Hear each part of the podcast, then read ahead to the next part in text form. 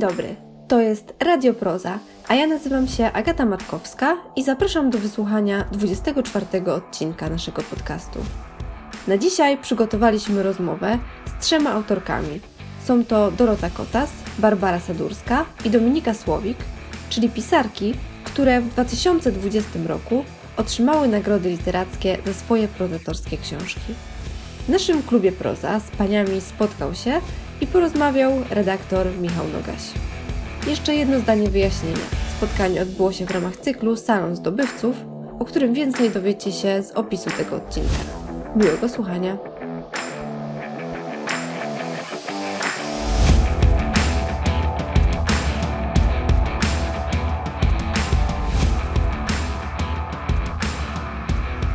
Dobry wieczór Państwu, witamy bardzo serdecznie z klubu Proza, który mieści się we Wrocławskim Domu Literatury.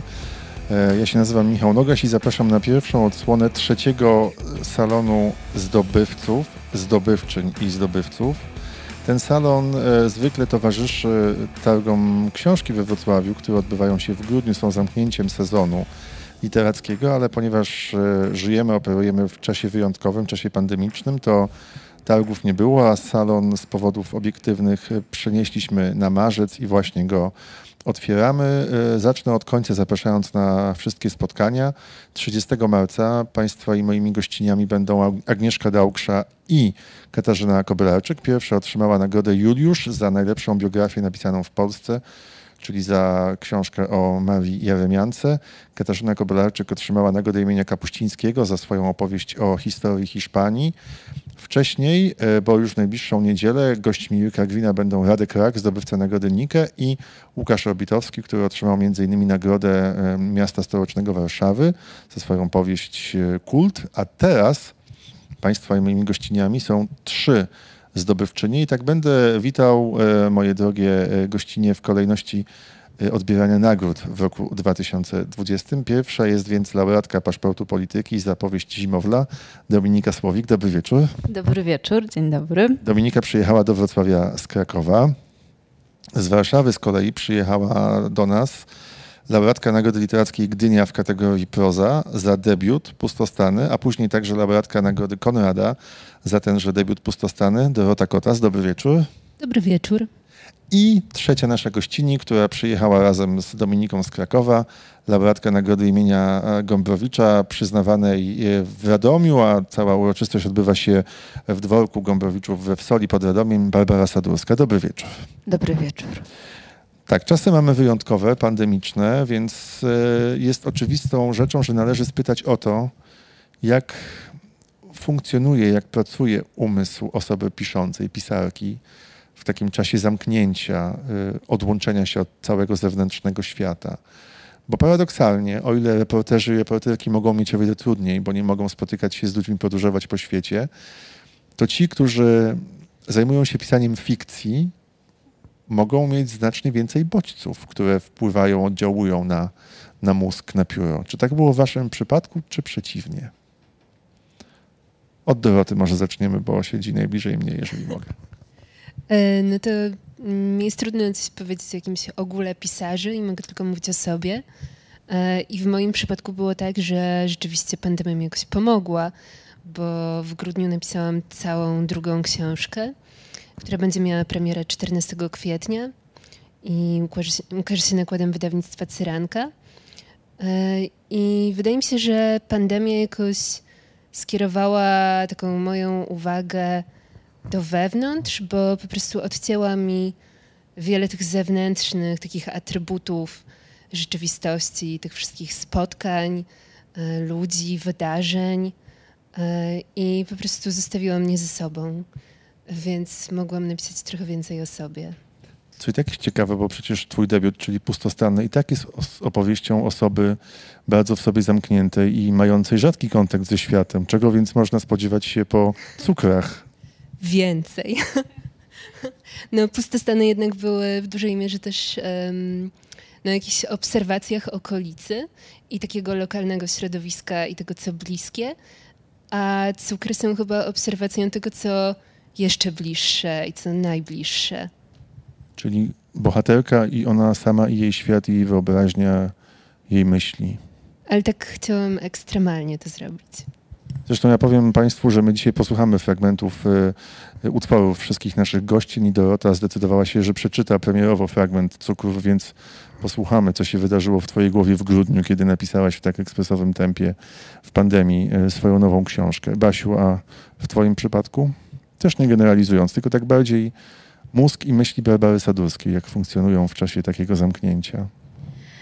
Paradoksalnie dla mnie y, lockdown czy izolacja jest bardzo dobra, bo ja jestem introwertyczką i mnie jest dużo bezpieczniej i dużo lepiej y, w tym stanie. Ja się dużo lepiej czuję z zachowaniem dystansu, z tym, że um, mam pretekst, żeby unikać pewnych sytuacji, które są dla mnie niekomfortowe. Natomiast jeżeli chodzi o pisanie, to właściwie nie widzę różnicy, dlatego że ja piszę e, bardziej w głowie. Wtedy, kiedy biegam, jak sobie biegnę na dziesiątym kilometrze, to już wtedy e, naprawdę myśli zaczynają y, iść swoją drogą. Przepraszam, czyli układasz sobie książkę w czasie pisania, a potem przychodzisz do domu i spisujesz to, co ci się ułożyło w czasie biegu maratonu? Ja nie biegam maratonów, to są krótkie dystanse. Najdłuższe to jest, wiesz, właśnie tych kilkanaście kilometrów, jak mam coś bardzo ciężkiego. Kilkanaście kilometrów, Basia, to nie jest krótki dystans. Ja bym chciał biegać kilkanaście kilometrów codziennie, no umówmy Nie, nie codziennie, proszę Państwa, absolutnie. Michał, dziewczyny, nie. E, Czasem jak mam jakiś duży problem, to idę na, albo na bardzo długi, szybki spacer, albo idę pobiegać i wtedy rzeczywiście myśli się uwalniają, bo, bo dla mnie ten proces tworzenia nie, nie, nie, nie odbywa się na kartce czy na ekranie. Tak? To jest... Um, to jest tak, że żeby y, uwolnić się od, um, od natłoku myśli związanych z codziennością albo z pracą, tak? Ja próbowałam właśnie różne, na różne sposoby uwolnić się na przykład od problemów moich klientów nie pomaga ani bieganie, ani e, pływanie, ani spanie.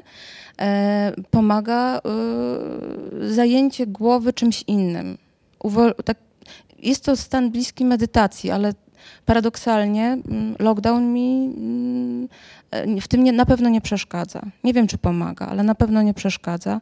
Natomiast ja y, nie piszę więcej nie napisałam książki, znaczy nie, nie, wiem, czy bym dała radę, tak, e, w, w, mojej sytuacji życiowej, ale, e, ale piszę w takim samym tempie. To, to jest tak, że kilka miesięcy zajmuje mi napisanie jednego opowiadania. I tak jest.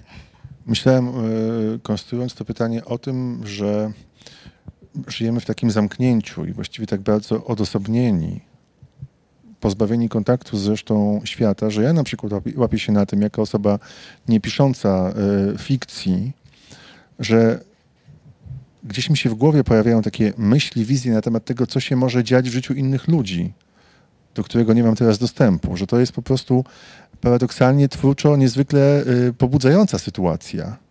Tak, zgadzam się z Tobą. To rzeczywiście uwalnia wyobraźnię, bo y, nie mogąc pojechać gdzieś, wyobrażam sobie albo przypominam sobie i na tej podstawie buduję następne fabuły. Tak, tak, to z tym się zgadzam.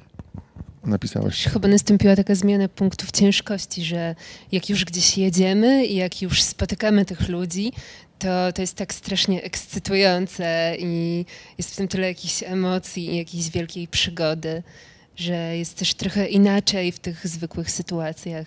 Takie przypadkowe spotkanie z dawno niewidzianą znajomą w sklepie uranga, urasta do rangi wydarzenia, prawda? To znaczy, że nagle okazuje się, że istnieje inny człowiek i można z nim wymienić kilka zdań. I gdyby sytuacja pozwalała, to można by było sobie kilka miesięcy życia do rana opowiadać. Dominika, a ty? No, mi jest trochę ciężko e, w tych ostatnich tygodniach, jeśli chodzi o pisanie. I to była trochę taka pułapka mm, myślenia o, o tworzeniu właśnie w zamknięciu, w pandemii, e, kiedy to wszystko się zaczęło w zeszłym roku. E, I moi bliscy czy znajomi, niezwiązani z, porem, z polem literackim, pracujący jednak e, w różnych branżach, często mający kontakt z ludźmi, bardzo się męczyli. Ciężkie to dla nich było, zwłaszcza na początku, kiedy pamięta, nie wiem, czy pamięta, pa, pamiętacie na pewno, jak siedzieliśmy zamknięci w domach, naprawdę. Niektórzy w ogóle do sklepu nie wychodzili, tylko zamawiali zakupy online wtedy. Znowu za chwilę będziemy siedzieć, chociaż już kilka razy wygraliśmy z Znowu. pandemią, więc to właściwie jest No. mocno paranoidalna sytuacja. No. E, I ja pamiętam, że ja wtedy rozmawiałam z tymi znajomymi i z jednej strony jakby no, empatyzowałam z nimi i, i im współczułam, rozumiałam, że się męczą, ale dla mnie to w ogóle była abstrakcyjna sprawa, bo ja sobie żartowałam, że ja w ogóle ten, ten styl życia w pandemii to jest po prostu styl życia, kiedy się pisze książki, no bo kiedy ja pisałam Zimowle, siedziałam dużo w domu, e, rzadko wychodziłam do sklepu, bo mi to przeszkadzało w pracy, e, ograniczałam kontakty, bo, mi, bo jak się skupiałam na jakimś wątku, to mi to przeszkadzało w pracy. No więc tak sobie żyłam parę miesięcy w takim przeświadczeniu, że w, w gruncie rzeczy jest ok. W międzyczasie wydarzyły się wakacje, które były luźniejsze, udało się pojechać na jakieś festiwale, zobaczyć ludzi. I potem przyszła jesień, zima. e, Ja pracowałam, pracowałam intensywnie nad książką, e, bo deadline mam niedługo. I e, czułam, jak po prostu ta sytuacja coraz bardziej mnie obciąża i coraz mocniej mnie zwalnia i że to jest zupełnie coś innego, kiedy ty siedzisz z wyboru w domu i, i się odcinasz, bo chcesz się odciąć, ale kiedy musisz, e, bo nie, masz gdzie się podziać, e, czytelnia jest zamknięta, kawiarnia jest zamknięta, wyjazdy odwołane, nie masz gdzie zdeponować w ogóle tego wszystkiego, co się w tobie dzieje, nie masz od czego odbić swojej wyobraźni, tylko masz po prostu swoją dzielnicę, swoje mieszkanie, książki, to okazało się, że dla mnie to jest za mało. I e, to bardzo.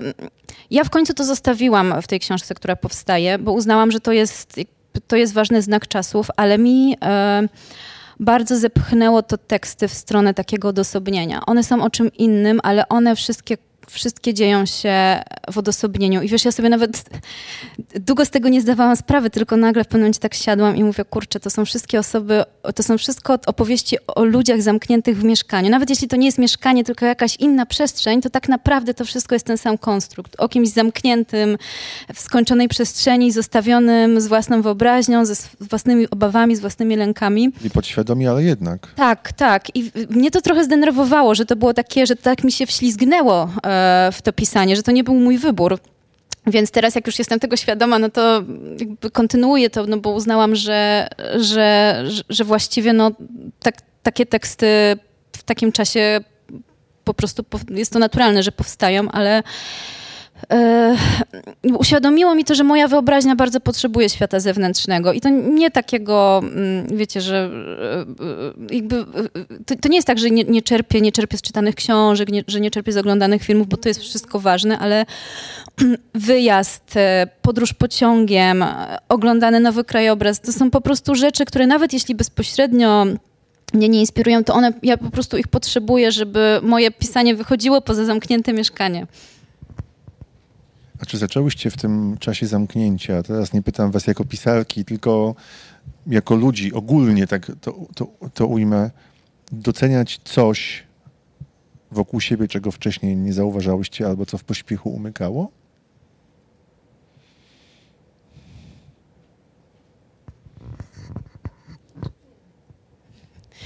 Mnóstwo. Gdybyś mogła rozwinąć pojęcie mnóstwo, Basiu. Jest tego tak dużo, że właściwie trudno mi e, wymieniać po kolei, tak?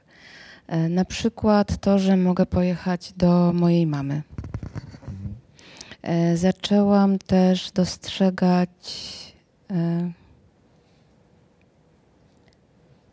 nietrwałość naszą w ogóle.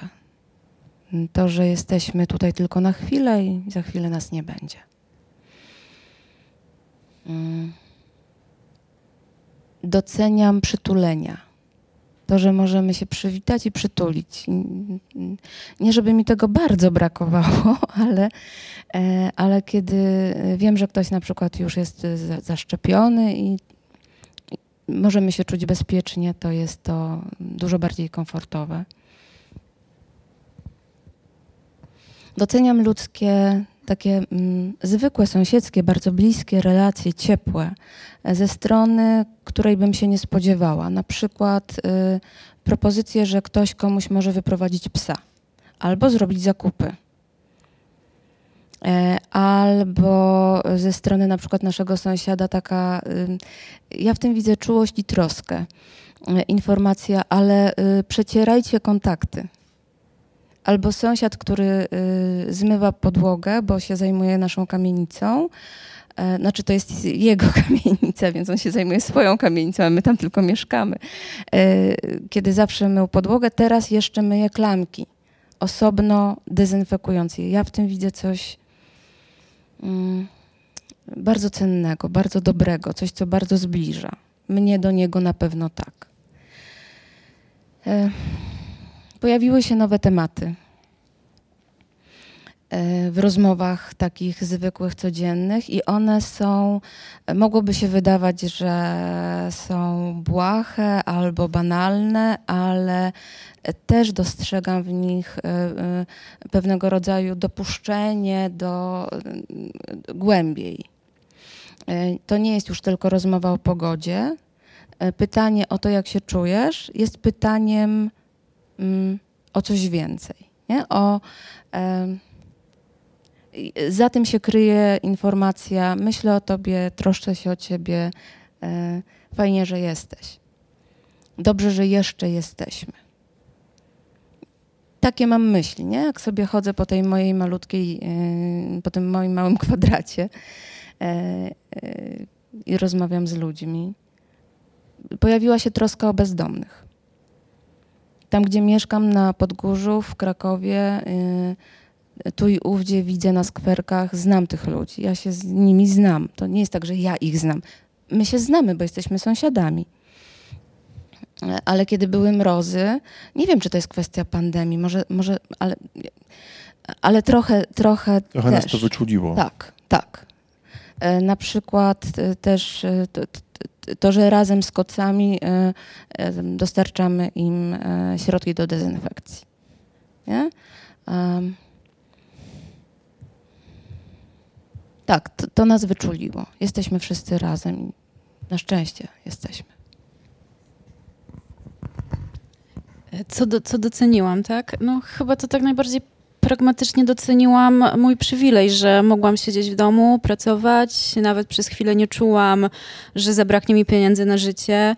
Wiedziałam, że jeśli moim bliskim będziemy potrzebować dla nich pomocy medycznej, to stać nas będzie na pójście do prywatnego lekarza.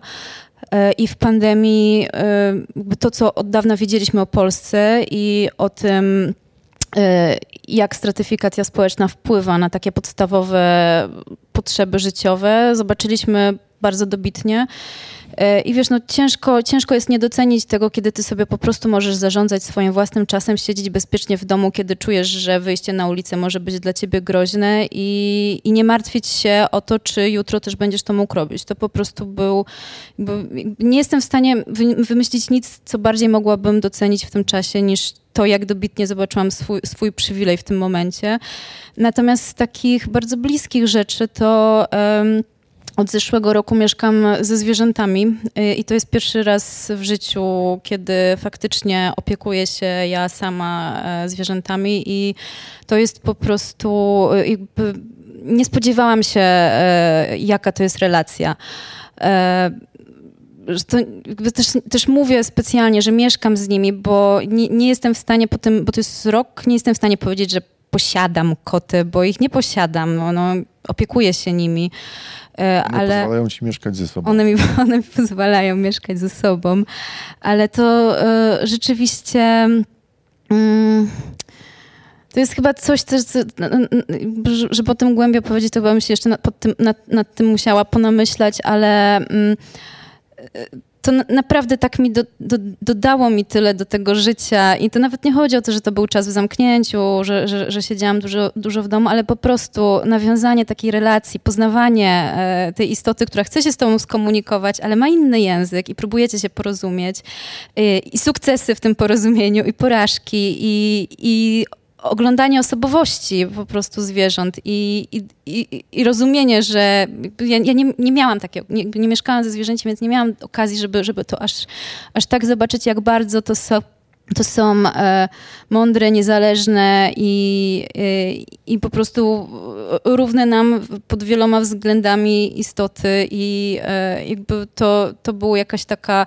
wartość, wydaje mi się, nie, nie, przy, przypadkiem związana z pandemią, bo to by było tak samo, gdyby to się wydarzyło poza pandemią, no ale to akurat jakoś tak, e, tak rozłożyło mi się na, na, na ostatni rok. Dorota powiedziała nie.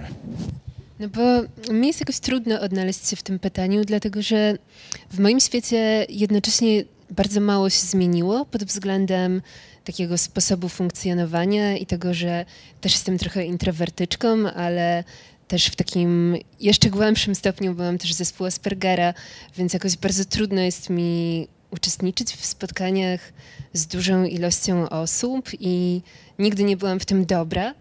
I masz E, też pewnie taką potrzebę, która wynika z, y, z tego faktu, że życie musi być bardzo uporządkowane, prawda? Tak, mam bardzo dużo zasad. Na przykład, e, no teraz mamy te zasady, że wszyscy mamy nosić maseczki albo dezynfekować ręce, a ja mam jeszcze mnóstwo zasad związanych z tym, e, nie wiem, gdzie odkładam zmywak do mycia naczyń, albo jaki wybieram kolor gąbeczki w Rossmanie. I po prostu w moim życiu jest bardzo dużo takich schematów, e, więc mm, no jednak pandemia trochę też w tym pomaga, bo dużo rzeczy porządkuje e, i jakoś się układa i wprowadza takie struktury.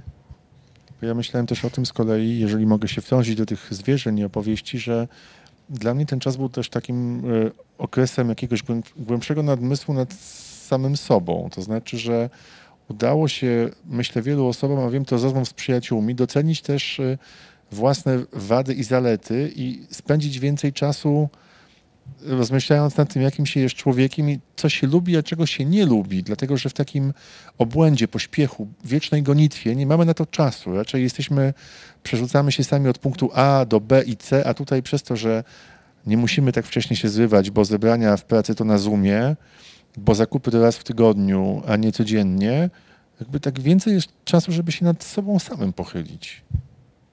Nie wiem, czy, czy się z tym zgadzacie. Ja się zgadzam absolutnie. Y, mm, Jednym z aspektów mojej autorefleksji było to, e, co jest ważniejsze.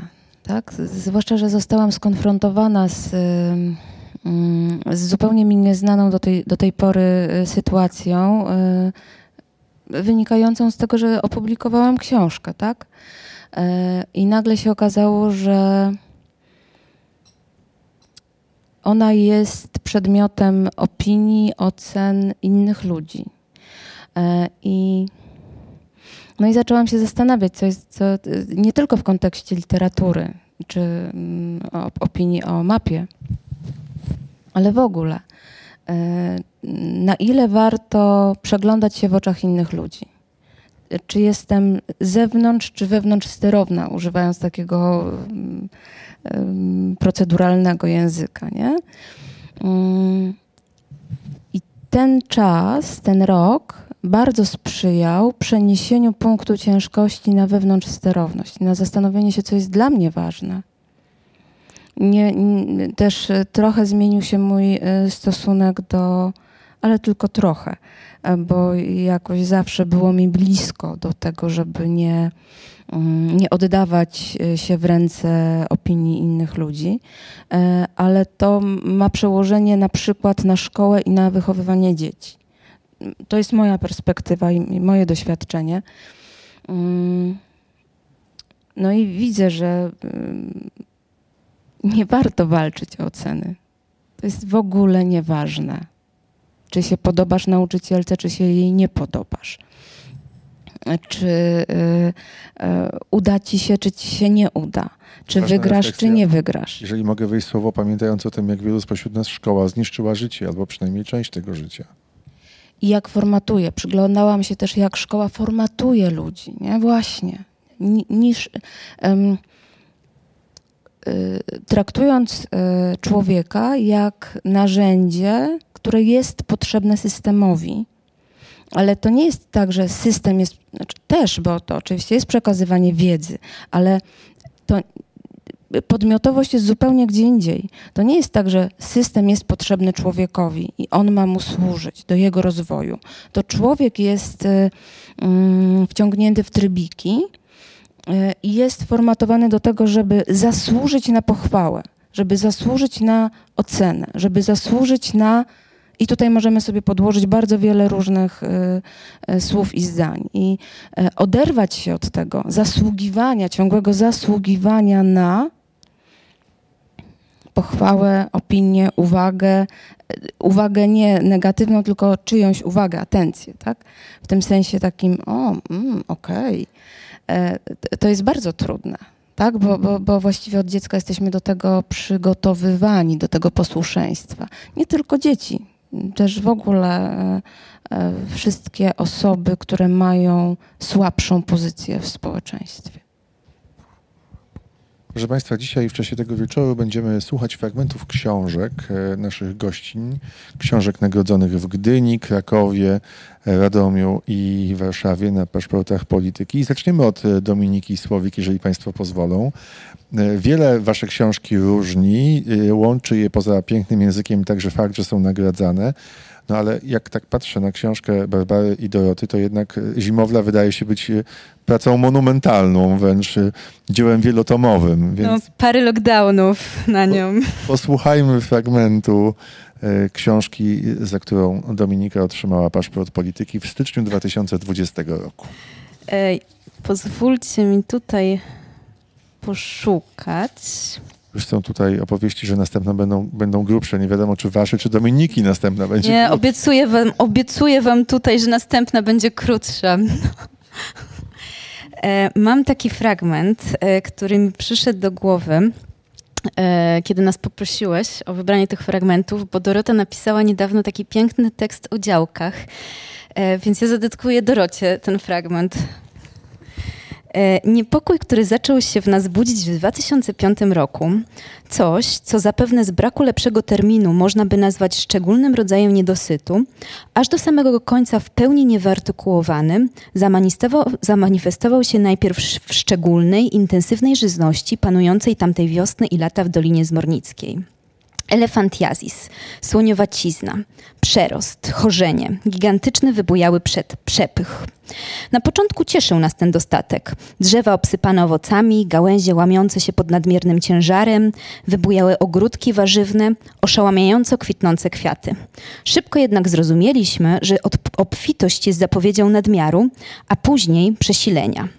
Ogromne owoce przeżerały zwielokrotnione pestki, złykowaciałe skorupy, zamiast miąższu wypełniało powietrze. W gigantyzm wkradały się coraz częściej skazy, z początku drobne, z czasem coraz wyraźniejsze deformacje ułomności spotwornienia.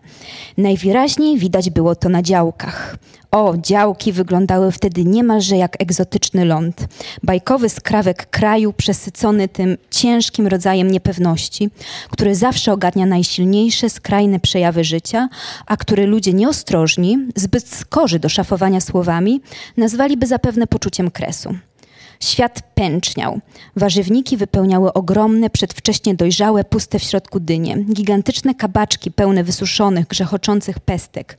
Horrendalne drzewa kopru z baldachimami wielkimi jak koła tirów. Marchewki, pietruszki, ziemniaki rozsadzały ziemię wokół siebie, aż cała pokrywała się czarną siecią głębokich szczyt przepraszam, głębokich szczelin. Każdy liść szczypioru ceboli był grubszy niż nadgarstek dziecka. Kwiaty o wrośniętych w siebie kielichach, podwójne, potrójne, poczwórne, wyłamywały się ze swoich narzuconych przez naturę form, wpadając w przedziwne, pociągające i odrażające zarazem konstelacje kształtów. Wybujałe trawy, które zwykle nie sięgały wyżej niż do kolan, Teraz z powodzeniem zakryłyby nas aż po głowy. Trawy osobliwe, wilgotne mimo braku deszczu, przypominające rozrastające się po działkach zielone bagniska. Zdeformowane łódeczki strąków bobu pękały z głośnym mlaskiem, zasypując ziemię bezkształtnymi fasolkami twardymi jak kamienie. Maliny, porzeczki, agrest były tak pełne fermentującego natychmiast soku, że niektóre zapadały się w sobie pod ledwie wyczuwalnym ciężarem obsiadających je owadów.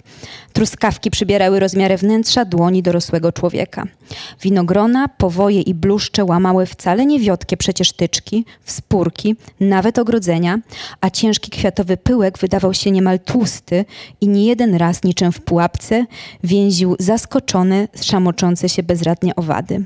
Tylko pszczoły robotnice z zapałem uwijały się pomiędzy tym wszystkim, jakby miał to być ich ostatni zbiór. Skąd taka wizja, droga Dominiko? E, jakieś przeczucia miałam. E, chyba się spodziewałam, co nastąpi. Nie, no tak, tak całkiem na serio, to, e, to jest akurat fragment, który ja sobie podebrałam literacko, bo Elefantiazis to pojawia się oczywiście u Szulca e, i to jest taki fragment troszeczkę ukradziony od niego. Czytałaś fragment dotyczący działek w cukrówce, tego, tym miejscu, gdzie się toczy twoja powieść, ale działka to, jak e, zrobiłaś ukłon w stronę Doroty, e, ważny wątek, bo w tekście, który opublikowany został w Wysokich Obcasach, Dorota obwieściła tym, którzy jeszcze nie wiedzieli, że nagroda literacka może się przy, przydać do tego, żeby wejść w posiadanie działki. W Więc, ogóle najlepiej wydana nagroda literacka, jakie ja słyszałam. ponieważ Dominika wywołała temat, to gdybyś mogła teraz powiedzieć po prostu, Co jak, kupiłaś ze swoją? Jedzenie i czynsz. jak Gdynia zaprowadziła cię e, na działki, gdybyś mogła powiedzieć. Kontynuujmy ten wątek wywołany przez koleżankę Słowik. E, No tak, rzeczywiście zostałam działkowczynią dzięki Nagrodzie Literackiej Gdynia. I można o tym przeczytać więcej w Wysokich Obcasach e, i będzie to cały cykl e, co miesiąc. Ale czego się dowiedziałaś o sobie jako działkowczyni? Że jestem naiwna i daje się łatwo oszukać. Bo jak się okazuje w Polsce, kiedy się coś kupuje, to wszyscy chcą nas oszukać. E, I bardzo dobitnie zostałam o tym uświadomiona, kupując działkę. No czekaj, no to idziemy dalej. To znaczy co? Drzewka są droższe, czy udział w ogródku działkowym jest droższy niż się mówi? Nie, wszystko jest zepsute i wszystko wymaga pilnej naprawy. Aha, czyli generalnie chowamy pewne rzeczy, żeby kolejny właściciel się musiał tym zająć, tak? No, Rozumiem. Czyli czeka cię tak naprawdę teraz remontiada. ale może jeszcze coś wygram i będę mogła wymienić dach. Aha. To jest, proszę Państwa, ważny wątek, w którą stronę można e, podążać, myśląc o nagrodach e, literackich i nie tylko. To znaczy, życie działkowca i skłanianie się ku naturze poprzez literaturę to jest e, bardzo dobry trop, tak mi się wydaje, zwłaszcza w roku pandemii i kolejnych, kiedy wiemy, że natura ma moc i siłę sprawczą. My, trzy książki, które nas tutaj dzisiaj spotkały, różni bardzo wiele, już to powiedziałem, natomiast e, myślałem o tym, co je łączy.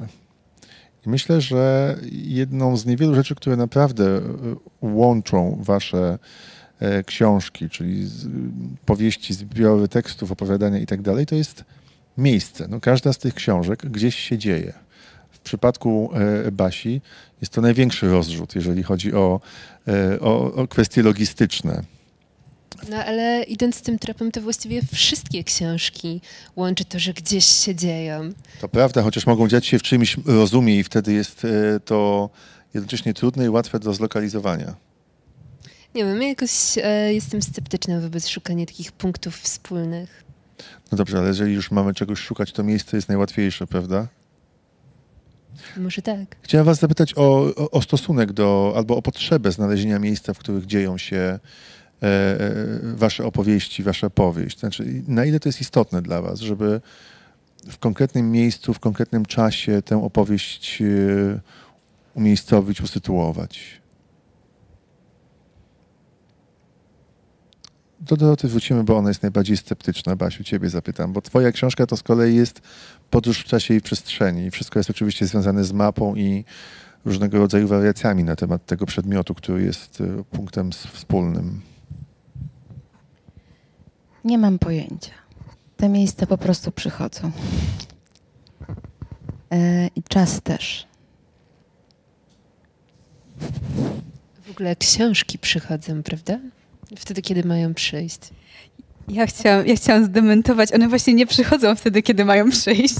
Uf, jak dobrze, że ktoś wreszcie jest po mojej stronie. Czyli co, musisz sobie je wymyślić? E, nie, wiesz co, w ogóle jeśli chodzi o przestrzeń, to u mnie jest tak, że u mnie krajobraz em, jest e, równorzędnym bohaterem, ja tak o tym myślę. I mnie bardzo inspirują w ogóle takie książki, gdzie, gdzie krajobraz jest ważny. I moja kochana książka to jest niedawno wznowione e, Pierścienie Saturna, e, gdzie e, bohater, jakiś alter ego autora e, podróżuje po opustoszałej Anglii i jakby tam głównym bohaterem jest ta pustka przestrzeni.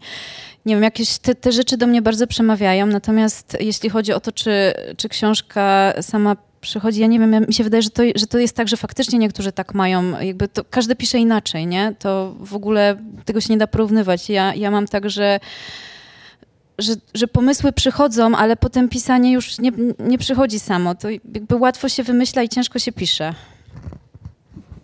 W moim przypadku mogę powiedzieć, że one naprawdę przychodziły do mnie same, dlatego że y, ja y, pisząc każde z tych opowiadań robiłam bardzo y, staranny, mm, staranne badanie źródeł. Bardzo to lubię i to jakby mm, opowiadania są tylko wykwitem tego, co mnie tam zainteresowało i sobie tam y, podróżowałam w głąb tych tekstów y, źródłowych. Y, I, I to tam znajdowałam wątki do przeniesienia opowieści gdzie indziej. Naprawdę, czytając albo biografię czyjąś, albo kalendarium XVII wieku. I nagle się okazuje, że e, Bol, albo nie XVII, tak? y, Na przykład Bolzano y, we Włoszech pojawiło się wtedy, kiedy czytałam, e, jak, y, ja, ja, jaką drogą e, uciekali e, naziści w- w 45, 6, 7 roku. I tam się Bolzano pojawia jako miejsce expressis verbis wy- wy, wymienione. Ja, ja jakby nie miałam wiele do wyboru, do wymyślania. Po prostu umieściłam tam moich bohaterów, bo obaj uciekali tak, do Argentyny i obaj chcieli mieć e, dokument podróży mm, w opowiadaniu Grobowiec. Mm, A w innym miejscu y, potrzebowałam em, na przykład przenieść y, nie mapę, tylko akwafortę Rembrandta z, z Amsterdamu i nie wiedziałam dokąd, do Gdańska, dlatego że e, tędy prowadził szlak handlowy i tamtędy no była komunikacja po prostu. To nie ja wymyśliłam. To naprawdę przyszło. Em, tak było. Aha, czyli to jest ten przykład pisarki, którą zaskakuje e, ciąg zdarzeń. Uruchamiasz świat, a potem on po prostu przynosi ci podpowiedzi. Trochę tak, aczkolwiek na przykład inne takie bardzo długie opowiadanie, które może przerodzi się kiedyś w jakąś książkę, e, rozgrywa się na pograniczu tam, gdzie kończy się Galicja, a zaczynają Austro-Węgry. E, Trochę szukam jeszcze ciągle tego miejsca, ale wiem, że tam jest sad. E, I historia założenia tego sadu to jest właśnie historia tej właśnie opowieści. E, Sadu zresztą czereśniowego. Mm. Zaczęłam to pisać w sierpniu. Napisałam jakieś 450 tysięcy znaków i przerwałam, bo zajęłam się czymś innym. Ale mm, to miejsce mam sprecyzowane bardzo dokładnie, ale, nie wiem jeszcze gdzie. 450 tysięcy znaków, ja ci nie chcę martwić, ale to już chyba nie jest opowiadanie. Dla mnie to jest opowiadanie, bo to jest jeszcze przed redakcją, kiedy ja będę skracać, więc z tego będą 22 tysiące. Poza tym, jak ją znam, to ona połączy bohaterów w różnych momentach i wiecie, jest tego taka mozaika, układanka, troszeczkę szkatułka, prawda? Dzięki za podpowiedź. Może tak zrobię? To twój pomysł. A to ciekawe, że sad jest miejscem, do, od, do którego będą zdążały inne jakby elementy tej opowieści. Czyli to jest tak, że po prostu coś ci się objawiło, przyszło i potem do tego dopisujesz, bo na przykład kiedy myślę o Zimowli, książce Dominiki, no to myślę sobie, że ty po prostu chciałaś sobie stworzyć bardzo dokładną mapę całego tego miejsca, w którym toczy się akcja zdarzeń. Tak jak mówiłaś, że krajobraz pełni równorzędną rolę, to właściwie każdy detal tam był istotny. Tak, ja w ogóle pracowałam z tą książką w taki sposób, że ja sobie rysowałam mapę, bo ja jestem dość, em, dość kiepska, jeśli chodzi o sobie wyo- wyobrażanie takich przestrzennych rzeczy i e, jednocześnie bardzo mi zależało, żeby ruchy wewnątrz książki były mniej więcej logiczne.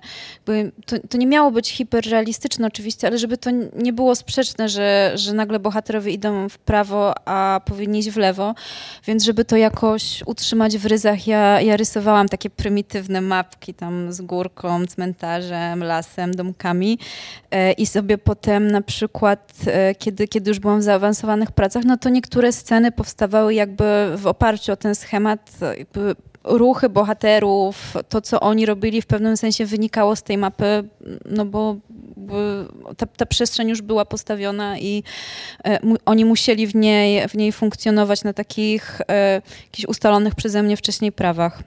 Ale to było dla mnie nowe i to było trudne. To w ogóle był taki rodzaj pracy, który ja wiedziałam, że ja muszę wykonać, ale akurat takie porządkowanie, porządkowanie logiczne przestrzeni, a nie napełnianie jej metaforami czy, czy znaczeniami, to jest raczej ten, ten element warsztatowy, który e, wydaje mi się, że, że, że, że muszę przez niego przebrnąć, żeby moja książka e, jakby osiągnęła taką formę, jaką sobie zaplanowałam, ale niekoniecznie mi to sprawiało przyjemność, żeby nie powiedzieć tego inaczej. W sensie, że cierpiałaś? No tak troszkę. No, wiesz, to są takie. To jest, to jest też uciążliwa praca, bo dużo potem musisz. Yy, yy, to jest. To jest ograniczenie, które sobie narzucasz. Niektórzy w ogóle pracują czasami w taki sposób, że, że wymyślają sobie, że w tekście się nie pojawi, jak, jak czysto teoretycznie, wymyślam sobie, że w tekście się nie pojawi jakieś konkretne słowo nigdy. No ale to jakby narzucenie konkretnej przestrzeni dla e, rozległej fabuły, to też jest takie ograniczenie, którego się musisz trzymać i wydaje mi się, że takie rzeczy są potrzebne, że to mi przynajmniej, u mnie to wywołuje jakiś taki kreatywny odzew, że, że, że muszę wymyślać w oparciu o te, o te ograniczenia, no ale wiadomo, że jakby to jest, e, no to jest jakiś taki schemat, który, którego się musisz trzymać i ograniczać i mm, e, by utrudnia ci pracę. E, To jest potrzebne, ale utrudnia to pracę. No wiadomo, że im coś trudniejsze, tym jest mniej przyjemne. Dorota, słuchasz tego wszystkiego i o czym myślisz? No myślę o tym, że może nie jestem prawdziwą pisarką. Jezus, nie, w ogóle nie mów tak nawet. Bo E, jakoś bardzo mało się męczę i w ogóle tak dziwnie traktuję pisanie, bo wydaje mi się, że jeśli się bardzo męczę i jeśli jest niemiło, to w ogóle to zostawiam i nie idę w to dalej, bo jakoś dochodzę do wniosku, że, no, że nic dobrego z tego nie wyjdzie i że po prostu poczekam na ten dobry moment i jak już pisanie będzie dla mnie przyjemne i poczuję, że, że to jest teraz i że teraz chcę się tym zajmować, no to wtedy po prostu to robię. I jakoś tak to działa. Że mogę nic nie napisać przez trzy lata, ale później napisać książkę w miesiąc, bo czuję, że to jest ten moment. A jesteś w stanie powiedzieć, y, co to znaczy czuć, że to jest ten moment? Bo kiedy Basia mówi o tym, że biega i układa sobie w czasie biegania myśli w głowie i potem ewentualnie siada i to przelewa na papier i ma te 450 tysięcy znaków, odkłada, zajmuje się czymś innym, no to to może jest ten moment erupcji. A w twoim przypadku? No i sobie po prostu czekam, daję sobie dużo czasu, e, dużo śpię i czasami zaczynają mi się śnić takie gotowe zdania. O. Mm, No i nie wiem, po prostu jakoś czuję, że już mi się tak zgromadził wewnętrznie ten materiał, że jakoś mam to poukładane w głowie. Zazdroszczę ci tego, bo czasami tak e, przychodzi mi do głowy jakiś pomysł na zdanie, które potem mam wykorzystać w artykule albo w wywiadzie i strasznie szybko zapominam, a tobie się to śni i jeszcze pamiętasz na jawie. Po prostu ja robię wszystko od razu, jestem strasznie niecierpliwa i wydaje mi się, że nie mogłabym pracować nad jedną rzeczą przez, nie wiem, pół roku i jej odkładać i, i do niej wracać i później znowu odkładać, bo to jakoś w ogóle nie jest mój styl życia, tylko lubię, kiedy mam jakiś pomysł, od razu wszystko zrobić e, w tym samym momencie i po prostu rzucić wszystko i zacząć robić i wejść w to tak całkowicie. E, No i po prostu wykorzystuję tę chwilę. Kiedy To jest fascynujący dla mnie e, wątek i opowieść. To znaczy, mówisz, że siedzisz, czekasz, czekasz, czekasz, a potem nagle otwiera No i się tak w tobie mam ta klapka wszystkim. i w miesiąc piszesz książkę. To znaczy, tak jakbyś nie miała świadomości tego, że to się w tobie gdzieś odłożyło i nagle odkręca się ten kurek i po prostu się wylewa na papier, na ekran komputera. No i po prostu mam takie nagłe zrywy aktywności, że na przykład robię sobie drzemkę i nagle się budzę, bo jakoś nachodzi mnie taka myśl, że muszę przemalować jedną ścianę w moim mieszkaniu na różowo. I wiem, że muszę to zrobić właśnie w tym momencie, bo jeśli to odłożę na następny dzień, to, to już się nie wydarzy. I to już nie będzie to i nie będzie w tym tej energii. No. To jest bardzo piękne. Ja zazdroszczę takiej determinacji, bo to też moim zdaniem jest dowód na determinację, że jestem takim człowiekiem, który często odkłada, jak nie musi, nie? A tutaj jest... No właśnie ja wiem, że gdybym odłożyła, to nigdy bym niczego nie zrobiła. Wysoki poziom samoświadomości, moim zdaniem, to jest. Dominika, to też jest ważne. W ogóle ja wszystko odkładam na później, wszystko. Moje życie to jest odkładanie wszystkiego na później. Ale książkę, Ale musi, to działa. Ale książkę musisz oddać, tak? Bo zaczęłaś ten wątek, to może go dokończmy, kiedy jest ten deadline. Na koniec kwietnia. I to będą opowiadania. Tak, tak, to będą opowiadania. Wszystkie dzieją się w zamknięciu. Wszystkie dzieją się w zamknięciu i nawet jak to nie jest zamknięcie, to potem się okazuje, że to jednak jest zamknięcie.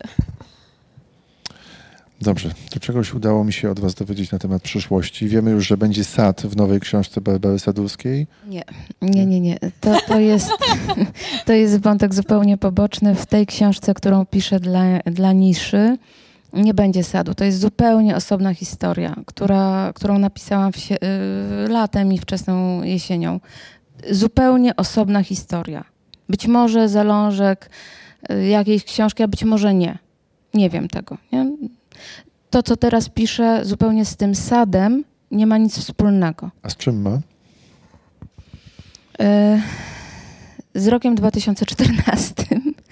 E, W 2014 roku e, przyszedł mi do głowy mm, pomysł, bohater, narrator, który wraca do Krakowa i, no i ma jakieś tam swoje wspomnienia, plany.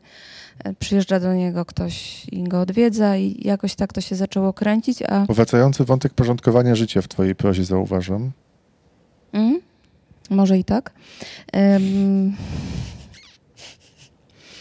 Natomiast, natomiast e, tym, co porządkuje ten właśnie, porządkowanie życia, a w tekście e, tym, co porządkuje tekst, em, warstwę fabularną, są szachy.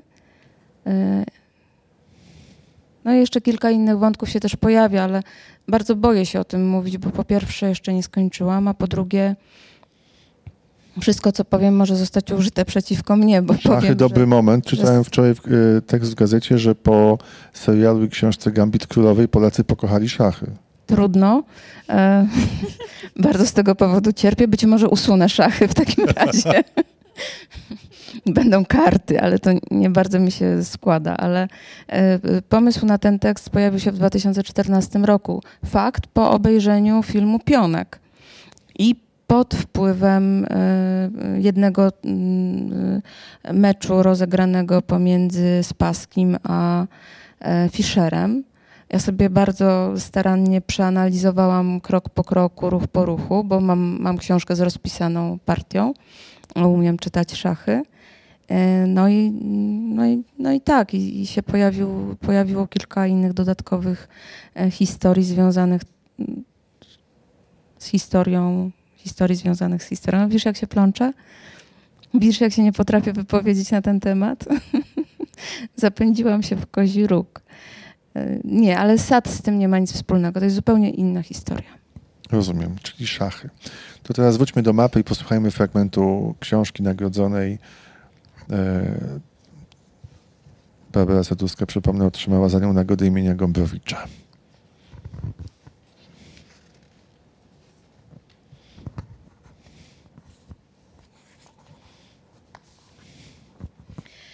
Zacznę od początku, e, bo jeszcze do tej pory nie opowiedziałam o tym, jak się zaczęło to opowiadanie pod tytułem Bezsenność. Ja ten fragment, który teraz przeczytam, napisałam na warsztatach Czarnego, wydawnictwa Czarne w Banicy. mm, w 2016 roku i to było na warsztatach, na zajęciach z Nataszą, e, która dała nam fragment Piotra Siemiona jako inspirację. I e, z tej inspiracji, z jednego zdania właściwie e, z jego dziennika, pojawiła się właśnie historia mężczyzny, który e, jest w samochodzie, jedzie i, i potem on już mnie poprowadził. Więc jeśli- ty dedykowałaś swój fragment Dorocie, to ja Piotrowi. Właściwie nie powinienem był się na to zgodzić, ale siedziałem teraz w samochodzie i jechałem tą ulicą, którą doprawdy znałem aż nadto dobrze. Te same drzewa, te same kamienice, ci sami ludzie. Zarabiają pieniądze, wydają pieniądze, myślą o. Choć to przecież Polska i nie o pieniądzach będziemy. Musimy porozmawiać, powiedziała. Dasz się zaprosić na kolację? Zapytałem, a ona się zgodziła. Możemy razem coś zjeść, tylko wybrałem restaurację. Więc jechaliśmy tą ulicą, którą doprawdy. Samochód mruczał pod stopą, czerwone na skrzyżowaniu. Pochyliła się do przodu, żeby włączyć radio. W świetle latarni widziałem jej profil. Poprawiła włosy, odsłoniła lewe ucho. Nie mogłem oderwać od niego wzroku. Różowy płatek śniegu na tle czarnej nocy. Kierowca z tyłu zatrąbił. Ruszyłem trochę za ostro, spojrzała na mnie. Czy z dezaprobatą? Poprawiłem wsteczne lusterko. Radio głosem Piotra Kaczkowskiego poinformowało, że w 1982 roku na liście przebojów programu trzeciego był perfekt i jego niewiele ci mogę dać. Dasz się zaprosić na kolację? Zapytałem wtedy, a ona powiedziała tak. Nie mieliśmy nic. Ona w jednej sukience, grafitowej, prawie czarnej. Ja wyrabiałem godziny jako asystent na uniwerku. Na obiad jedliśmy marchewkę, a potem masz ucho jak płatek śniegu, mówiłem. A ona nic nie mówiła, tylko oddychała. I patrzyła na mnie poważnymi oczami, w których jeszcze wtedy nie było dezaproba- dezaprobaty. Jak chcesz, kochanie. Wybrałem tamtą restaurację, powiedziałem. Jak chcesz. Na przednią szybę zaczął sypać śnieg. Włączyłem wycieraczki, autobus przede mną zwolnił. Zapraszamy do reklamy. Zmień stację, rzuciłem. Nie, nie. Dlaczego? Może zostać. Ech, tyle wspomnień. E, To z e, mapy e, początek Barbara Sadurska przeczytała. Nagrywałaś audiobook własnej książki? Nie, ale jeżeli o to pytasz, to mm, mogę uchylić rąbek tajemnicy. Wydawnictwo Nisza planuje wydać audiobook i wiem, że zgodził się przeczytać ten tekst i w pewnym sensie też usłyszałam kilka ciepłych słów na ten temat. E, Robert, Robert Więckiewicz. Bardzo się cieszę, dlatego że kiedy pisałam tę książkę, jego głos y, w pewnym sensie mm, towarzyszył mi w pisaniu mm, jed- jednej z postaci. Ni- Nikomu o tym nie mówiłam. Zupełnie nikomu o tym nigdy nie mówiłam. E, A tak się złożyło, że Krystyna Bratkowska przedstawiła tę książkę e, temu aktorowi i no i, no i prawdopodobnie powstanie audiobook. No, po prostu myślałem, słuchając i patrząc, w jaki sposób to robisz, interpretujesz, że sama nagrasz. To byłoby ciekawe. Nie. Nie, raczej nie. Drogie Panie, otrzymałyście nagrody w roku 2020, w którym polska rzeczywistość okazała się niezwykle okrutna i trudna. E, I nie mam na myśli tylko pandemii koronawirusa i tego naszego zamknięcia, ale także sytuacji, która, chociaż być może nie zdajemy sobie z tego sprawy, albo nie chcemy o tym mówić, e, w bardzo dobitny sposób dotknęła każdego z nas niezależności, niezależnie od e, płci, czy orientacji seksualnej, czy wszystkiego, co się wiąże z naszym życiem. No i chciałem Was zapytać o ten rok 2020, bo mówimy dużo o literaturze, mówimy o pisaniu, ale no jednak operujemy w jakiejś rzeczywistości konkretnej. Najpierw był e, czerwiec i sierpień, a potem był październik i to wszystko, co się wydarzyło później. Mm. To jak patrzycie na rzeczywistość, w której żyjemy, z jaką musimy, używając e, angielskiego słowa, dealować na co dzień teraz? Bo z jednej strony nagrody, radość, a z drugiej strony świadomość tego, w jakim kraju je otrzymujemy. No, ja staram się żyć jak najmniej w rzeczywistości i to jest mój sposób. Po prostu mam taką swoją dziuplę i staram się otaczać tym, co jest dobre i co jest przyjemne i trochę, mm, trochę ignorować te wszystkie złe rzeczy, żeby się nie zniszczyć. No to się da ignorować? Nie do końca, ale można jakoś dążyć w tym kierunku. Chyba. No, ale to, W sumie co innego można robić. no tak, ale to się wiąże z jakimś taką, jakąś taką pewną formą przyznania się do tego, że może być nas coraz mniej w tej rzeczywistości w tym społeczeństwie, a przecież nie o to chodzi, żeby się z niego wyłączać.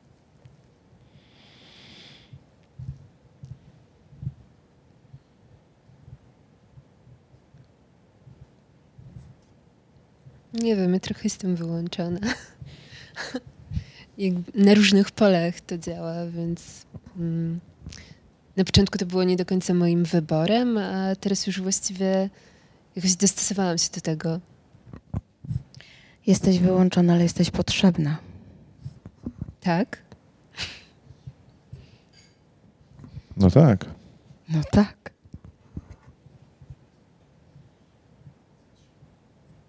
Może zadaj następne pytanie. Nie, nie, oddam głos kolejnym mm, e, paniom teraz, bo widzę, że pamiętam zresztą nasze spotkanie akurat z Basią i z kilkoma innymi osobami w Szczebrzeszynie, kiedy byliśmy świeżo po wydarzeniach e, na krakowskim przedmieściu w Warszawie i jakie to było wstrząsające nie tylko z takiego zwykłego ludzkiego punktu widzenia, ale też widziałem, jak bardzo osoby związane z literaturą przeżywały ten, e, tę sytuację, to znaczy te, ten moment wykluczania i, i jak dla bardzo wielu artystycznych dusz była to sytuacja trudna do, do przejścia, niezależnie od tego, jakiej są orientacji, niezależnie od tego, czym zajmują się na co dzień w swojej twórczości.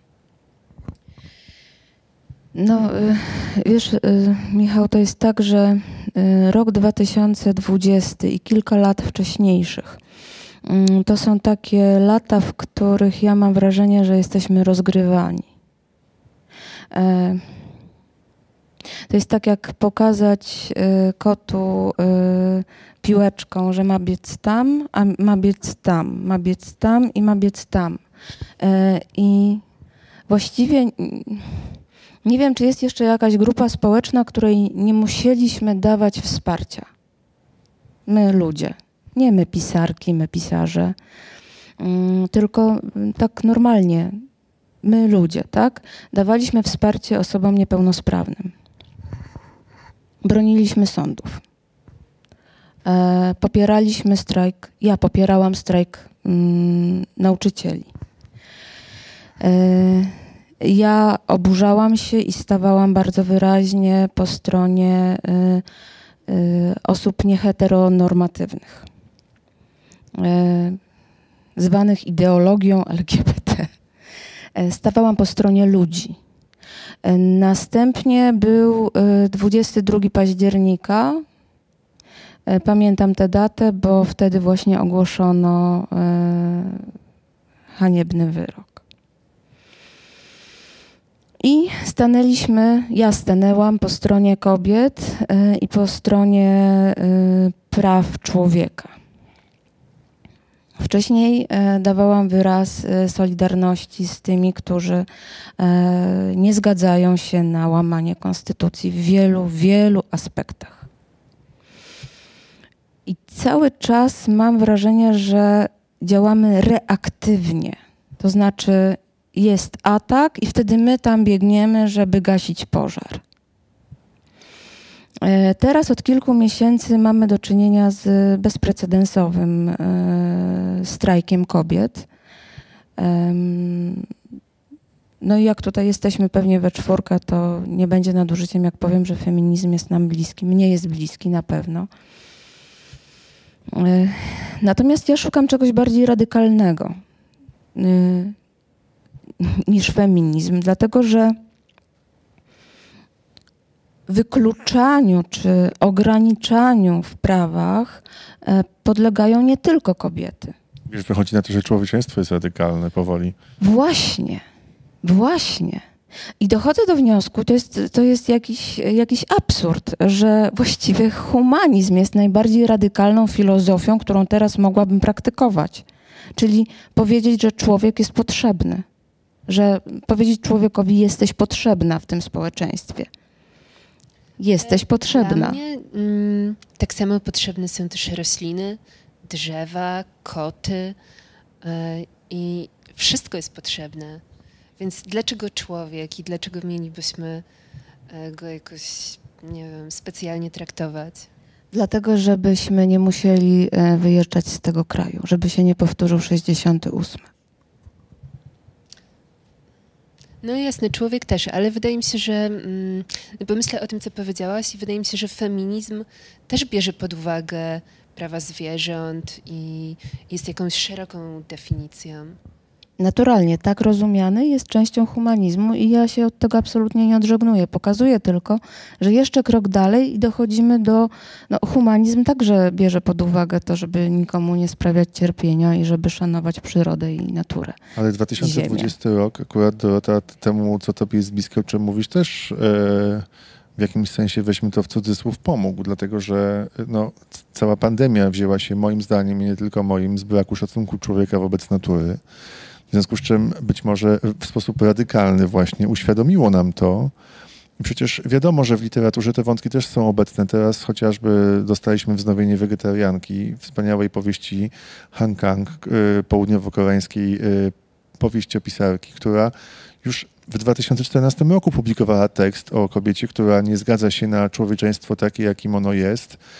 I y, jej bohaterka po prostu chce zerwać z tym człowieczeństwem i zamienić się w drzewo, żeby odnaleźć się w świecie bez przemocy. No i, i rozmawiałem z nią niedawno i ona mówi tak, no wtedy ta książka wydawała się radykalna i jakaś wydumana. Minęło, minęła niecała dekada i nagle się okazuje, że spójrzmy na Polskę także, to są rzeczy niezwykle istotne. O tym się teraz mówi. Coraz więcej jest też nieantropoce- nieantropocentrycznych punktów widzenia w literaturze, które mm, no, zdobywają pełnopraw- stają się pełnoprawnym głosem, tak?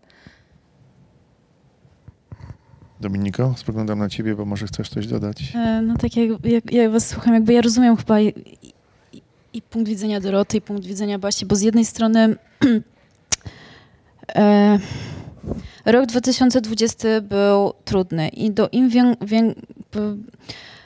ilość grup, grup wykluczanych, prześladowanych, obciążanych, przy, mm, wybuchami, zagrożonych wybuchami przemocy była bardzo duża.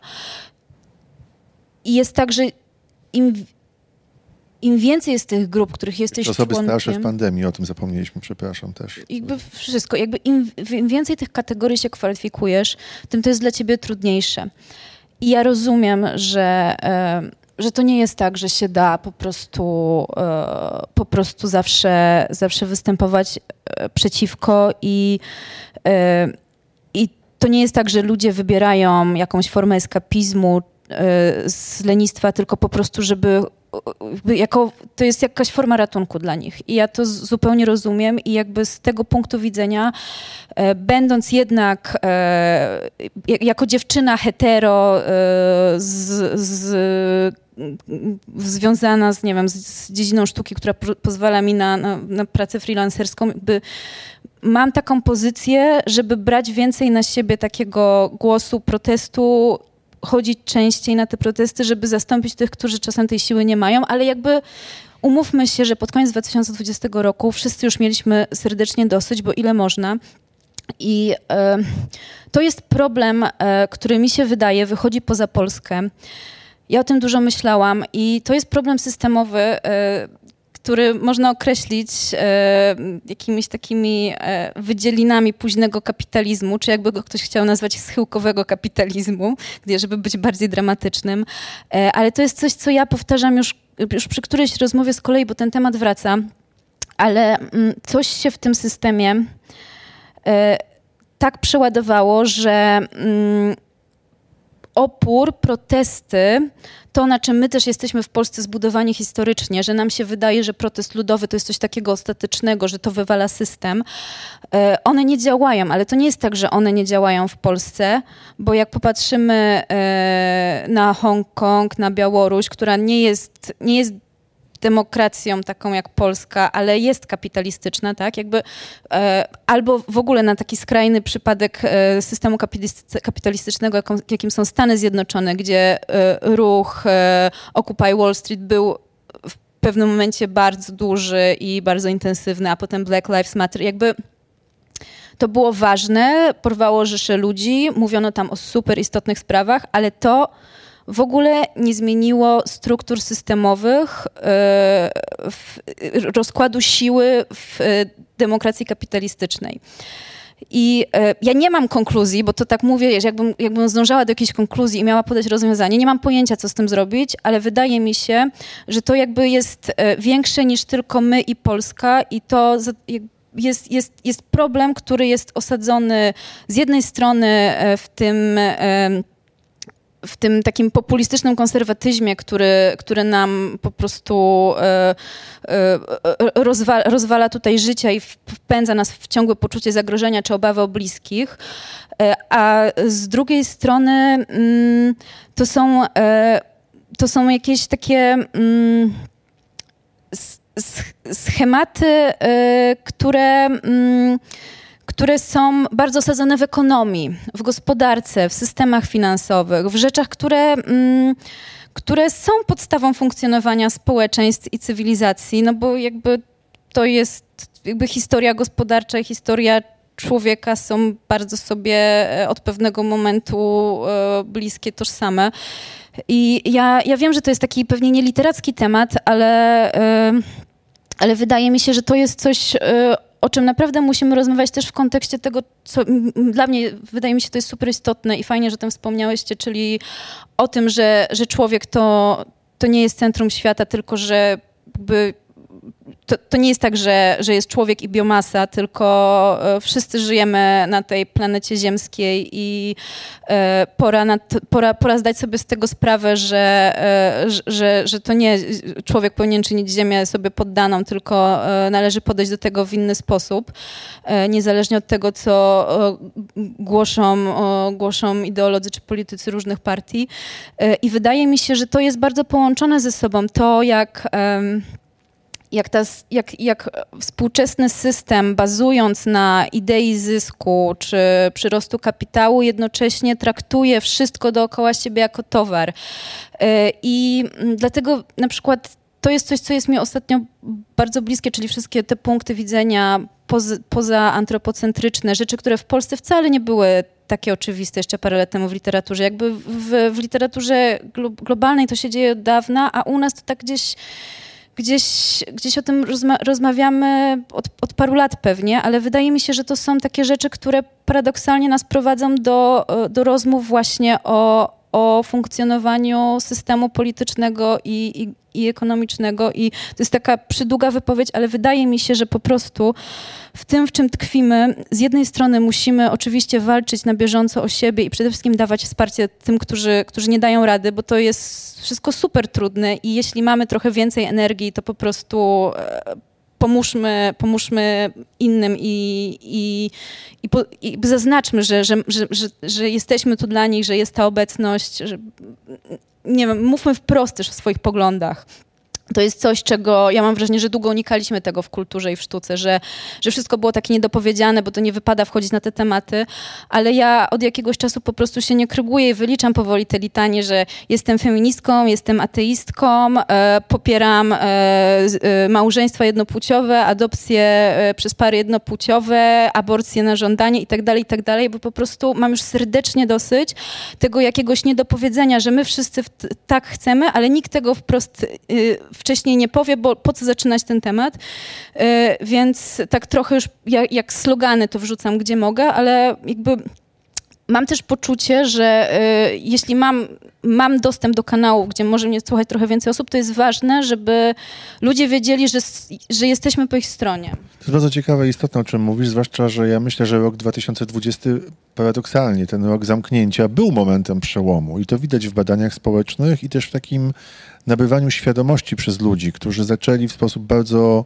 zdecydowany i bez oglądania się na innych mówić, na czym im zależy. I to są różnego rodzaju kwestie, od kwestii finansowych po kwestie bardzo mocno światopoglądowe. I to jest moim zdaniem super, dlatego że my przez długi czas żyliśmy w jakimś takim zamknięciu. Dokładnie to, o czym mówisz, że nie wypada nam powiedzieć tego, na czym nam zależy, nie możemy o tym mówić, bo naruszymy jakiś ład, który, jak się okazało, właściwie nie istniał albo był niezwykle kruchy. No i teraz, zanim posłuchamy na zakończenie naszego spotkania fragmentu premierowo nowej książki Doroty, to chciałem Was zapytać, czy to, o czym mówiła przed chwilą e, Dominika, czyli te pytania, te tematy, Waszym zdaniem zagoszczą na stałe w literaturze? Czy, czy to się odbije jakimś szerszym echem w prozie? Bo w poezji wiemy, że już się powoli odbija, ale czy, czy, czy tak będzie? I czy po prostu wprowadzimy te istotne tematy do, do literatury także po to, żeby już nie uciekać od dyskusji na ich temat, bo kiedy to będzie w książkach, no to będzie czarno na białym napisane, wydrukowane. Wreszcie będzie można o tym otwarcie rozmawiać.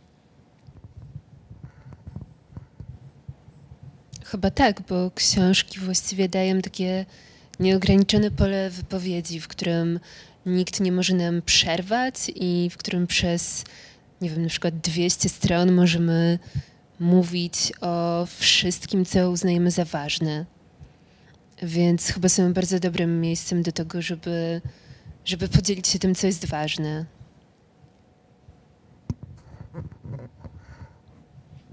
Basiu.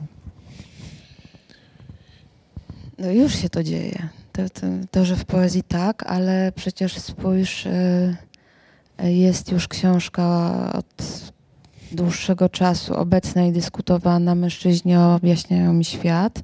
Jest Nadzieja w mroku. Y, Teraz jest Matka Wszystkich Pytań, też Solnit. Y, Jest To jest wojna, Suchanow. No to może nie jest proza y, fikcyjna, literacka, tak zwana artystyczna, tylko to są eseje lub, mm, lub książki reportażowe, ale No przecież... te, też to się pojawiało w opowiadaniach Olgi Tokarczuk, między innymi te. Właśnie, na przykład. E, I no nie mam wątpliwości, że to przenika, tak? Bo to jest, to jest jeden duch, nie? Jeden duch. Rzeczywistość i literatura to jest ten sam duch. Tak, i też może uda nam się to zdjąć z tego taką łatkę literatury zaangażowanej, a po prostu literatury, która opisuje świat, bo ciągle jakoś było tak, że to jest ostra polemika, ostra publicystyka i tak dalej, a tymczasem to jest świat, w którym my żyjemy po To jest prostu. świat, w którym my żyjemy i to jest świat, który, e, świat literatury jest najbardziej inkluzywnym światem, tak? Bo pozwala nie tylko em, włączać bohaterów i dawać im głos, ale też e, utożsamiać się z nimi i em, em, to jest ścieżka empatii, tak? Mhm. E, nie jest to wcale odkrywcze to, co mówię, ale, ale, Ale może, wa- ale może warto, żeby wybrzmiało. Literatura jest tą sztuką, która jest najbardziej inkluzywna, czyli włączająca wszystkie te mniejszości, albo nie mniejszości, kobiety nie są mniejszością, mm, tylko wszystkie te grupy, które są słabsze. Nie? Które w jakimś obszarze są słabsze, bo no właśnie chciałam też ym, y, nie przekładać tylko akcentu na kobiety, czy e, osoby nieheteronormatywne, czy, e, czy e, zwierzęta, które są poddawane torturom. Ale też to dotyczy także mężczyzn, bo patriarchat, czy ten system władzy w równym stopniu sprawia, że mężczyźni są ofiarami tego systemu. Tak? To, to są ci, którzy są na przykład zwalniani, bo zostało usunięte ich stanowisko pracy. Nie można zwolnić człowieka, można usunąć y, etat, tak? można usunąć stanowisko pracy. To nie dotyczy kobiet, to dotyczy systemu władzy autorytarnej, bezwzględnej, niepodlegającej dyskusji. Nie? Ta- takiego właśnie modelu, e, który utożsamiamy z patriarchatem. Tak, ale to też jest istotne przecież, bo bohaterki czy bohaterowie waszych książek, opowiadań, powieści, człowiek i tak w jakimś sensie czytając szuka tych punktów, które e, są wspólne dla bohatera i dla czytającego, dla, Dla siebie, czytelnika, tak. prawda? Więc im więcej takich świadectw w literaturze, tym e, ważniejszy głos w stronę czytelnika, że jesteś, masz gdzieś sojusznika, Nie jesteś sam na świecie. no właśnie, jesteś potrzebny. Masz w bohaterce albo w bohaterze kogoś sobie bliskiego. Na przykład bohaterkę pustostanów, która gdzieś w zamknięciu odczuwa świat po swojemu, czy w bohaterach mapy, czy chociażby w bohaterce zimowli albo bohaterach nowych opowiadań Dominiki, którzy w zamknięciu mniej lub bardziej uświadomionym prowadzą bogate życie wewnętrzne i szukają odpowiedzi na różne pytania, prawda? Taka musi też być rola, rola literatury w świecie, który, którego podstawy runęły i trzeba go właściwie zbudować chyba od nowa.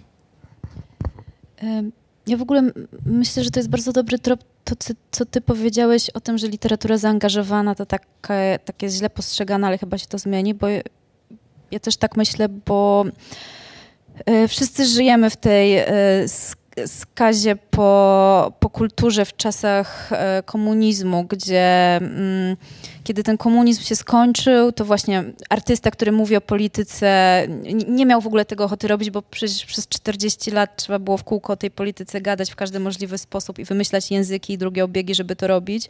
Więc wszyscy mieli tego serdecznie dosyć. Jakby zaangażowanie mam wrażenie, też wyglądało, zaangażowana literatura to było z automatu coś takiego jakiegoś nie na tamte czasy. I według mnie to się zmieniło yy, i yy, ja na przykład, mam nadzieję Dorota, że się nie obrazisz o to, ale ja na przykład widziałam, jak czytałam, ja w ogóle jestem świeżo po lekturze Pustostanów i jak czytałam je, to ja sobie myślałam, że to jest właśnie taka książka bardzo, yy, bardzo tak wrażliwa na takie... Mm, e, jakby po, poza tym, że, że, że jest pełna wyobraźni i, i, i, i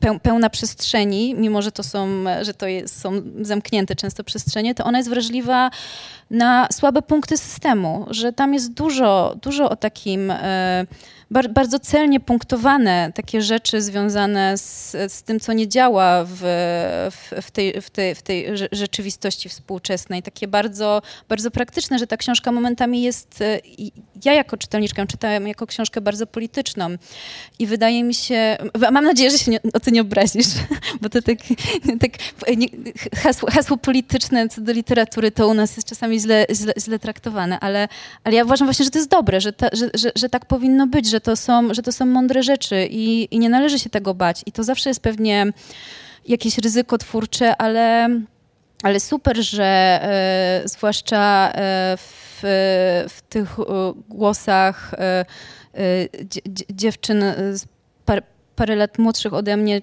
już troch, trochę ja czuję z innego pokolenia, bo też na przykład dropię, e, no nie śmiej się Basiu, bo widzę, że tak się, o, o, ale tak trochę jest, bo wiesz, bo ja się, ja się urodziłam na ja samym się, końcu... Ja się uśmiechnęłam, bo poczułam. Nie, bo ja uważam, że, że parę lat różnicy to, to, to nie jest tak, że ja się czuję jakaś super doświadczona, tylko ja naprawdę uważam, że, Świat tak poszedł do przodu, że to ma znaczenie. że to, czy ty się wychowywałaś e, w czasach dostępnego internetu, czy ten internet przyszedł troszeczkę później, to jest istotna różnica. E, I to nie jest tak, że my się jak, jakieś jesteśmy super inne, ale po prostu te doświadczenia, mm, doświadczenia odbioru rzeczywistości, mam wrażenie, jakby ta, ta, ta, ta, różnica między millennialsami i Gen Z, którą w Ameryce się, się tak ładnie określiło i mi się wydaje, że to jest akurat celne. I e, ja wiem, że, że takie, takie etykietkowanie to też e, często wywołuje sprzeciw, ale jakby ja czuję w tych tekstach, też jak czytałam właśnie Dropie, e, że, że to są rzeczy, których, które, które mi wiele dają. Jakby mm, ta perspektywa dla mnie jest wzbogacająca i ciekawa i be, bezkompromisowa i to jest super. I wydaje mi się, że że w ogóle będziemy właśnie teraz pisać e, współczesne rzeczy, że to jest taki czas, kiedy, kiedy już się nie będziemy mm, krygować, że o współczesności to w ogóle z, kto będzie teraz pisał coś, co się dzieje na bieżąco, bo bo się zmieniły te perspektywy. Nie wiem, ja, ja tak trochę mówię z, moj, z, mojego własnego przekonania, że ja czuję, że ja potrzebuję teraz, teraz pisać takie rzeczy i, i jakoś nareszcie mam w to na, w to, na, na to w sobie miejsce. I żeby zakończyć ten e, pokręcony, pokręcony wywód, to e, dojdę do puenty. I czytałam ostatnio nie polskie książki, ale książki tłumaczone z angielskiego Ali Smith E, która wydała tetralogię. W Polsce na razie są dwie przetłumaczone, a są w sumie cztery. E, każda nazywa się jak kolejna pora roku, czyli e, jesień, zima, wiosna, lato i lato jest ostatnie. Ja uważam, że to są piękne, wspaniałe książki takich, jakich nam jeszcze w Polsce, jakich jeszcze w Polsce nie mam, ale będziemy też mieć, bo ona tam pisze o, o, współczesności w taki właśnie zaangażowany sposób, który jest jednocześnie poetycki i y, to są książki i o tym, co nie działa w systemie, ale też i o katastrofie klimatycznej, może przede wszystkim o katastrofie I o Brexicie, i o Trumpie, i o wszystkim. Tak, i to jest napisane w fantastyczny sposób i w ogóle nie ma to nic wspólnego z publicystyką, tylko to jest wspaniała literatura, więc jeśli ktoś też mm, zastanawia się, jak to może wyglądać, to ja bardzo polecam, żeby przeczytać Alice Smith. A na zakończenie naszego spotkania, proszę Państwa, yy, zdarzą się cuda, yy, nie z kartki papieru, a z telefonu. E, bo jeszcze przed wydaniem. Książka ukazuje się w kwietniu, więc na ponad miesiąc przed premierą Dorota Kotas przeczyta fragmenty e, cukrów. Tak się będzie to odmieniać? Cukry, czyli cukrów? Ale bardzo się cieszę, że to wszystko powiedziałaś, bo teraz mi pasuje ten fragment. Bo jak tak rozmawialiśmy, to się trochę zmartwiłam, że on jest taki mało polityczny i że może jest taki nie do końca dopasowany do tej rozmowy i do tych tematów, ale w sumie wybrałam taki fragment, który trochę opowiada o takim świecie, który już odszedł. Jak mawiał Piotr Kaczkowski, cytowany tutaj w prozie Barbary Sadurskiej, nie ma przypadków, więc wszystko zmierzało ku temu, byś teraz mogła przeczytać fragment. E, I to będzie początek rozdziału czwartego pod tytułem Hrabina. Kiedy wyprowadziłam się z domu, zamieszkałam z Ireną. Miała wtedy 90 lat. Dziś, gdyby żyła, miałaby 97. Na szczęście umarła.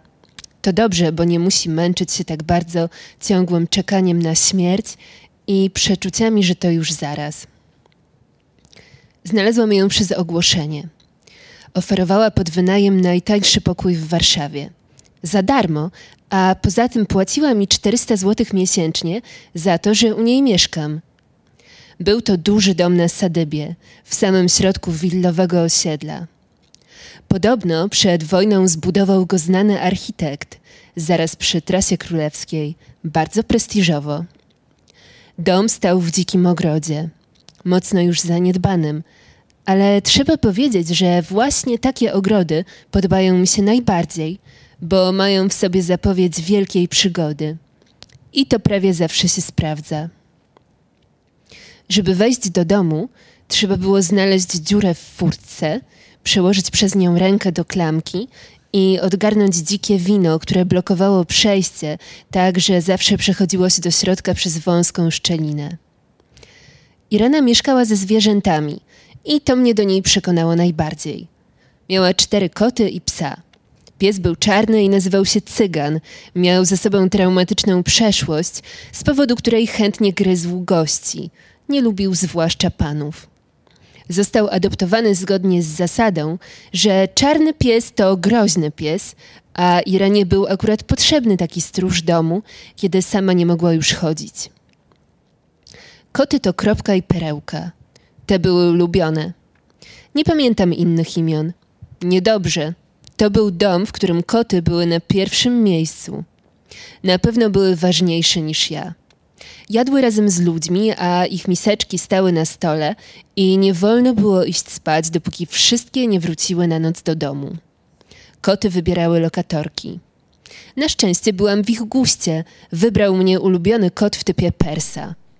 Na pierwszym spotkaniu w domu był mężczyzna, który pomagał czasami z ogrodem. Kiedy poszłam oglądać poddasze, słyszałam dobiegające z salonu rozmowy o tym, że wyglądam na miłą panienkę. Na wprost od wejścia był salon. Grał tam ciągle telewizor, w którym oglądało się powtórki Bonanzy na zmianę z TVN24. Za telewizorem było przejście do małego pokoju. Ale teraz o sercu domu. Na środku stał stół. Na nim miski kotów i wysypane chrupki, figurki jamników z porcelany, cukiernica pełna zwietrzałych ciastek do częstowania gości. Stosik książek, okulary do czytania, zęby do gryzienia, wazon bardziej lub mniej zwiędłych kwiatów, dwa termosy z herbatą jaśminową na zapas, zdjęcia z czasów pałacu i gazetki z promocjami z Carrefoura. W rogu stał szezlong, który wyglądał bardzo imponująco, ale oczywiście służył wyłącznie do trzymania dodatkowych sterc swetrów na wypadek nagłego uczucia chłodu. Było też mnóstwo książek w stosach i dwa kredensy. W jednym była zastawa, a w drugim wyeksponowana biżuteria i ciągle trzeba było sprawdzać, czy nikt nic stamtąd nie ukradł. Na każdej ścianie kilka obrazów przedstawiających konie. W salonie znajdowało się wyjście na taras, ale próg był zbyt wysoki, żeby można było wyjechać wózkiem, więc taras właściwie bezużyteczny. Czasami siadało się w drzwiach. Na noc zamykało się kraty, a na dzień wypychało się do ogrodu czarnego psa. Pamiętam jeszcze, że pod stołem w salonie leżała smutna skóra martwego dzika. Służyła za efektowny dywanik, który miał izolować od chłodu podłogi, a przy okazji podnosić lekko renomę domu. Czasami kółka wózka inwalidzkiego blokowały się o pazury i trzeba było dobrze manewrować, żeby wyszarpać je ze zdechłych, splątanych łap ale był to dywan godny prawdziwej damy, więc nie można było go wyrzucić nawet pod pozorem domniemanej kradzieży. Kiedyś Irena jeździła konno. To było jej ulubione zajęcie. Szyła sukienki na miarę najlepszej krawcowej w Warszawie. Sprowadzała z Paryża koronki i lakierowane buciki, a jej sukienki miały guziki na całej długości i te guziki musiały być obszyte materiałem, żeby pasowało. Chodziła w nich na lody, odkąd tylko pojawiły się u państwa bliklów na Nowym Świecie, a podawano je wtedy w prostokątnych waflowych miseczkach. Co środę urządzała przyjęcia, zapraszała do siebie aktorów i literatów. Ciekawe, czy ja byłabym zaproszona, ale pewnie nie. Potrafiła przygotować pory pod beszamelem, sos z majonezu i czarnej porzeczki oraz wykwintne farsze do awokado, chociaż nie gotowała zbyt często, bo miała francuskiego kucharza. Podobno umawiała się na kolację w Bristolu.